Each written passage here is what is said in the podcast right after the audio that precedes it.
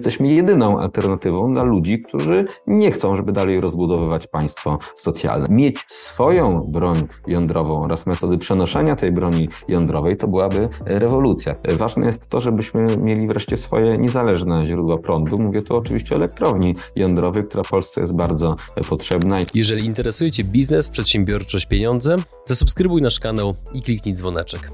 Partnerami przygód przedsiębiorców są Fullbacks, kompleksowa obsługa importu z Chin oraz pomoc na każdym jego etapie. IBCCS Tax, spółki zagraniczne, ochrona majątku, podatki międzynarodowe. YouTube dla biznesu. Wejdź na przygody.tv i zobacz, jak wiele mogłaby zyskać Twoja firma dzięki YouTube z naszą pomocą. Milky Ice. Budujemy sieć punktów z lodami w Dubaju i Abu Dhabi, a wkrótce w innych krajach. Odezwij się, jeśli chcesz działać z nami. Kancelaria Mensen. Linki do partnerów znajdziecie w opisie filmu. Dzień dobry drodzy widzowie, Adrian Gorzycki, Przygody Przedsiębiorców. Witam Was w kolejnym odcinku naszego programu, który jest na swój sposób odcinkiem specjalnym, ponieważ w pewnej opcji politycznej nastąpiła bardzo istotna zmiana warty. A naszym dzisiejszym gościem, z którym będę o tym rozmawiał, jest dr Sławomir Mensen. Dzień dobry. Dzień dobry. Słuchaj, te osoby, które nie śledzą za bardzo politycznego świata, czy mógłbyś je wprowadzić, co się zadziało w partii Korwin i de facto w Twojej karierze teraz? Mieliśmy w sobotę kongres, taką bardzo dużą imprezę na tysiąc e, osób, podczas której wybraliśmy nowe władze i tak się złożyło, że zostałem nowym prezesem partii e, Korwin, a dotychczasowy prezes, czyli Janusz Korwin-Mikke, e, odszedł na taką partyjną emeryturę. Czy to było do przewidzenia Twoim zdaniem? Znaczy inaczej, to jest, to jest pytanie, które z jednej strony zachęca do chwalenia się, z drugiej strony prawdopodobnie zadziała skromność, no ale to chyba było bardzo do przewidzenia, że Ty, biorąc pod uwagę swoją działalność medialną, biznesową, że tym prezesem zostaniesz partii. Czy nie? Czy był jakiś kontrkandydat bardzo silny również? Nie mogę powiedzieć, żebym bardzo się denerwował przed głosowaniem, ponieważ byłem jedynym zgłoszonym kandydatem. W związku z czym, gdybym przegrał e, takie głosowanie, to byłoby naprawdę wybitna wręcz e, porażka. Mhm. E, powiedz mi, jak widzisz zatem przyszłość partii? Jakby co, co, się zmieni względem tego, co było wcześniej, chyba że będziesz no, cały czas, że tak powiem, niósł ten sam kaganek który był wcześniej. Jak to Dwie widzisz? rzeczy się zmienią, a jedna rzecz zostanie bez zmian. To znaczy, to co pierwszą rzecz, którą chciałbym zmienić, to pewne wewnętrzne procesy w partii. Partia to jest w tym momencie około 1500 osób, ale mamy od poniedziałku znaczący przyrost członków, bo mamy dużo deklaracji członkowskich, więc dynamicznie ta liczba rośnie. Ciekawe czemu? Natomiast, natomiast e, trzeba tam wprowadzić pewne procesy. E, to znaczy, do tej pory zajmowałem się zarządzaniem firmą i mam tam pewne metody pracy i zamierzam je zaimplementować w partii, e, tak żeby partia również działała jak sprawnie naoliwiony mechanizm. Zobaczymy, czy mi to wyjdzie. Przyznaję, że do tej pory polityką zajmowałem się raczej pod kątem takim medialnym, to znaczy występowałem w mediach czy na jakichś konwencjach, konferencjach i tak dalej, a teraz muszę też wziąć się za pracę organizacyjną. Jest zupełnie oczywiste, oczywiste, że trochę inaczej zarządza się 200 ludźmi, a inaczej 1500 e, członkami partii. To są też zupełnie inne metody motywacji, inne kanały komunikacji, w związku z czym muszę się tego nauczyć i sam jestem ciekaw, jak mi to pójdzie. Więc pierwsza rzecz, którą chciałbym zmienić, to właśnie wewnętrzne procesy w partii, sposób zarządzania tą partią. Druga rzecz to chciałbym, żeby nasz przekaz był jasny, prosty i oczywisty. W tym momencie krąży mnóstwo legend, co my tak naprawdę chcemy albo co my myślimy y, i niektóre wypowiedzi całkowicie przyćmiewają nasz program. Chciałbym, żeby dla każdego było oczywiste, co zamierzamy zrobić, że naszym celem jest ta dumna, bogata Polska, wolny rynek, kapitalizm, brak zbyt wielu regulacji, wydatków państwowych, żeby każdego Polaka było stać stać na ten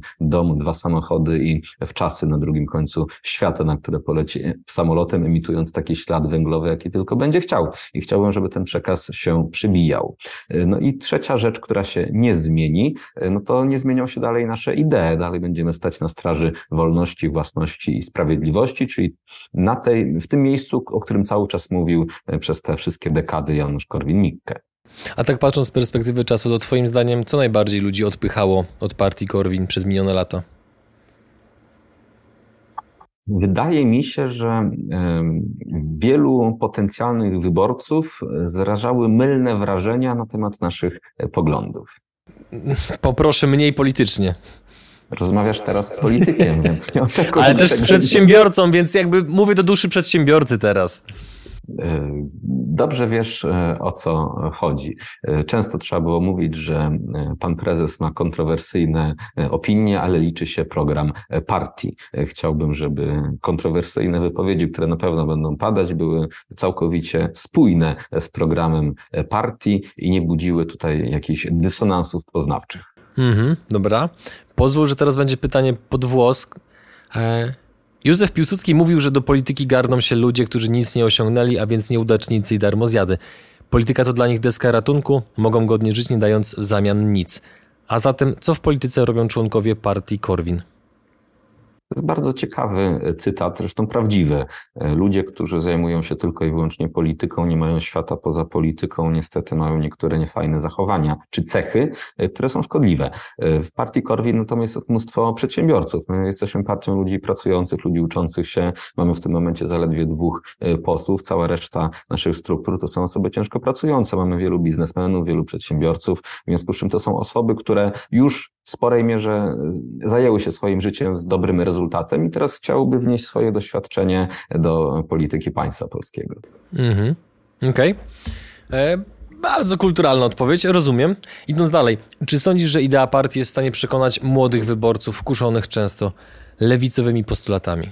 Nie wszystkich, żadna partia nie jest w stanie przekonać wszystkich wyborców, natomiast mamy dosyć wysokie poparcie w młodym e, elektoracie. Jestem przekonany, że wielu młodych ludzi naprawdę chce wziąć swoje życie we własne ręce, nie chce, żeby im politycy mówili, jak mają żyć. Chcą, żeby państwo się po prostu od nich odczepiło, bo chcą realizować siebie i swoje pomysły. I to są ludzie, do których my będziemy kierować swój e, przekaz. Nie osoby, które liczą na to, że wszystko spadnie im z nieba, którym się nie chce e, pracować, którzy nie chcą nic dać od siebie, tylko właśnie dla ludzi, którym się chce. I takich ludzi wbrew pozorom w Polsce jest naprawdę całkiem dużo.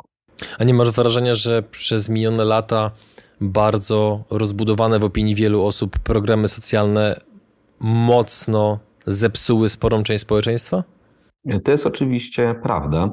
Gdy wprowadzono 500, jednym z głównych argumentów, jakie używałem, poza tym, że to po prostu nie działa, jest to, że to jest pewien wyłom w polskiej polityce, bo wcześniej do tej pory nie było zmasowanych takich masowych, wielkich programów socjalnych. Ten był pierwszy, no i oczywiście pociągnął ze sobą e, kolejne.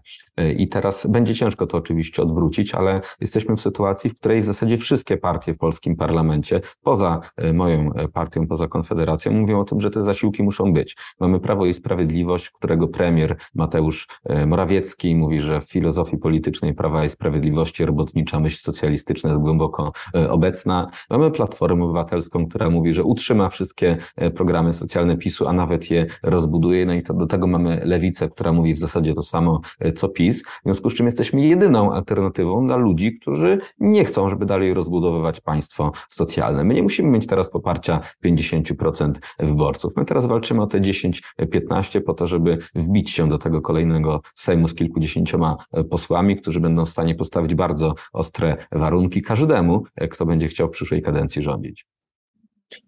Masz takie poczucie, że faktycznie będziecie kimś, kto będzie przełamywał pewnego rodzaju układy, zamiast się dogadywać?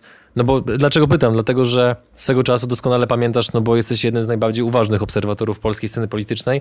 E, swego czasu e, Paweł Kukis był postrzegany jako taki buntownik, rewolucjonista, który chce zniszczyć pewne układy.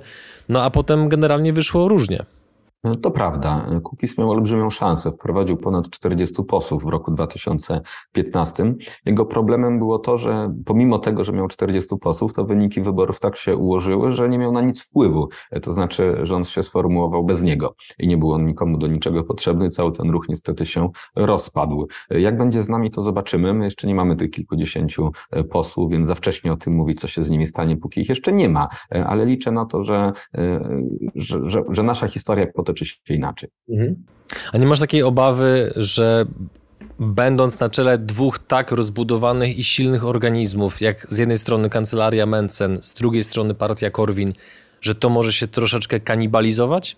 Że tej energii, tej świeżości umysłu, tego spojrzenia może ci trochę zabraknąć? Jakby jak do tego podchodzisz? To jest to olbrzymie zagrożenie, natomiast przygotowywałem firmę na to od roku. E, od roku robię zmiany organizacyjne, czy wdrażam pracowników w niektóre moje e, obowiązki, w związku z czym liczę na to, że się uda. Rzeczywiście, gdyby ta zmiana była z dnia na dzień, to byłby dramat. Natomiast e, jeszcze raz od roku przygotowywałem firmę do tego, że będzie zarówno mnie czasowo w firmie trochę mniej, jak i głowę będę miał przez najbliższy rok, co najmniej do wyborów trochę gdzie indziej. Mhm.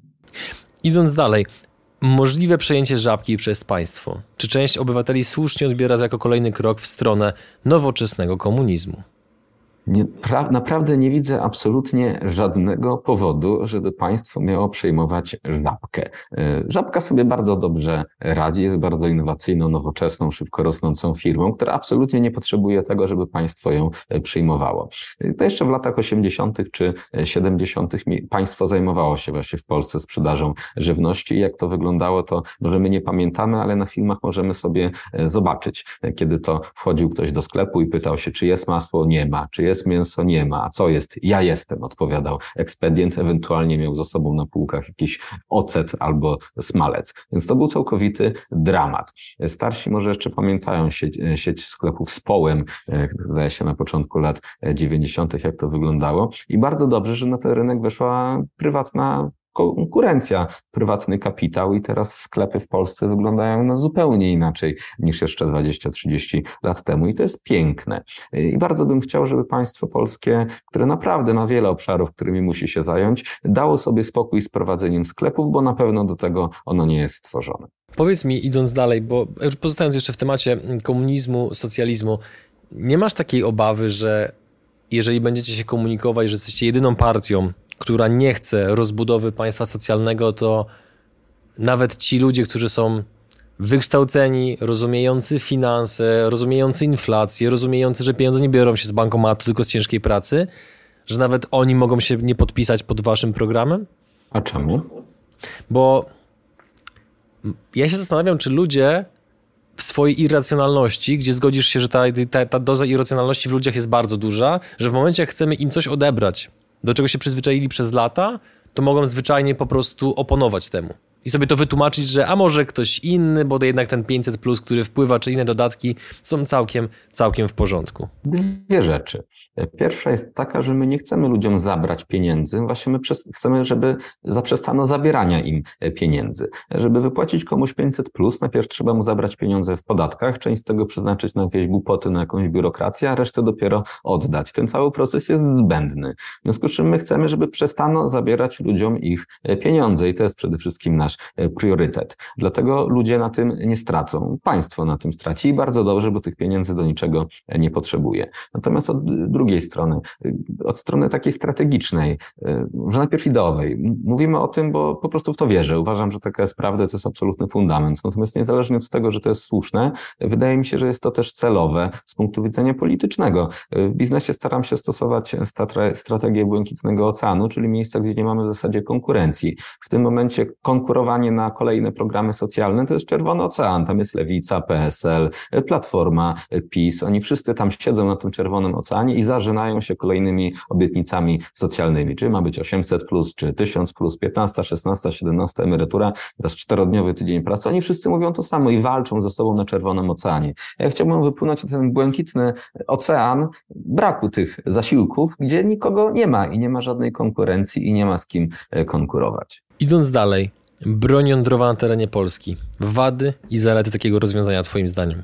Zależy, co rozumiesz przez broń jądrową na terytorium Polski, bo była mowa, prezydent Andrzej Duda e, proponował program nuclear sharing, tak, żeby na terenie, na terytorium Polski stacjonowała amerykańska broń jądrowa i to w zasadzie nam nic nie daje, ponieważ ta broń byłaby całkowicie poza naszym zasięgiem, poza naszą kontrolą. To dalej Amerykanie by decydowali, kiedy należy tej broni użyć. Nawet gdyby Polacy stwierdzili, tak, to jest ten moment, to Amerykanie by nam powiedzieli, nie, to nie jest ten moment i absolutnie nic nie moglibyśmy moglibyśmy z tym zrobić. W związku z czym to nie jest dla nas jakiś przełom. Natomiast gdyby się okazało, że państwo polskie jest w stanie spiąć się na te wyżyny suwerenności, śladem tu chociażby Indii, Pakistanu, Izraela, Francji czy Wielkiej Brytanii, mieć swoją broń jądrową oraz metody przenoszenia tej broni jądrowej, to byłaby rewolucja, ponieważ co do zasady bronią atomową nie atakuje się państw, które mają swoją broń jądrową, ponieważ grozi to wojną jądrową, której nikt nie chce.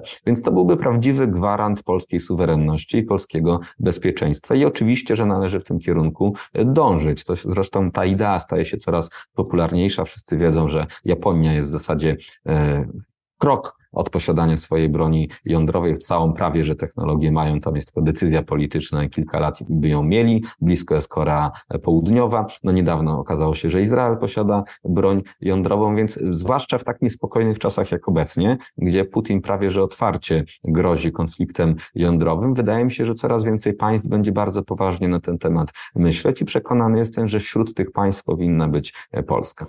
A propos Putina, Jaki jest, jaka jest koncepcja partii Korwin na to, aby nigdy więcej nie doprowadzić do tego, że Polska jest tak silnie zależna energetycznie od tak nieprzyjaznych krajów?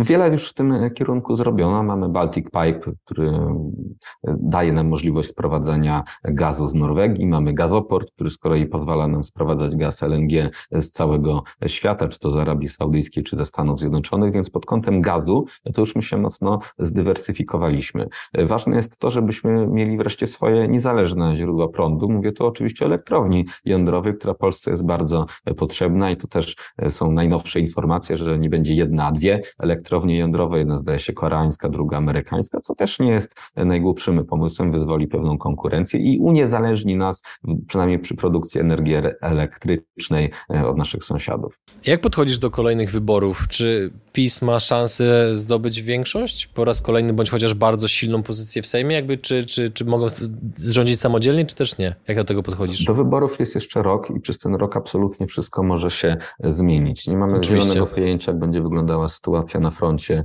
na Ukrainie. Nie wiemy jeszcze, jak przetrwamy zimę, nie wiemy, ile będzie wynosiła inflacja, głęboki będzie kryzys, co będzie z naszą gospodarką. Nic w tym momencie nie wiemy. Natomiast doświadczenie uczy nas dwóch rzeczy.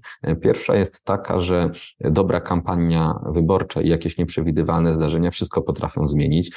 Przypominam rok 2015, kiedy przed wyborami prezydenckimi Bronisław Komorowski wydawał się zdecydowanym faworytem, który nie tylko wygra drugą kadencję, ale jeszcze zapewni Platformie Obywatelskiej Obywatelską trzecią kadencję i to się nie wydarzyło, więc widzimy, że tu sytuacja może być naprawdę zmienna i PiS, który w tym momencie według obecnych sondaży nie ma szans na samodzielną większość, to może się odmienić. Więc y, to jest jedna rzecz, że nie lekceważyłbym PiSu, ponieważ naprawdę mają szansę coś zrobić, jeżeli coś dziwnego się wydarzy.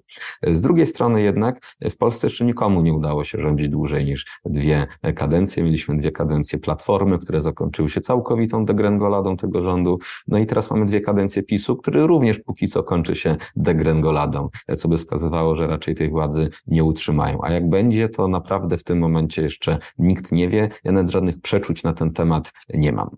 Mhm. Na pewno zakładam, że skoro śledzisz bardzo mocno e, scenę polityczną, pewnie również media, YouTube'a, siłą rzeczy, no bo jednak nagrywamy regularnie, czy też e, chociażby nagrywasz też z Pawłem Swinarskim z Dla Pieniędzy, na pewno nie umknął ci materiał z panem inżynierem Tytko.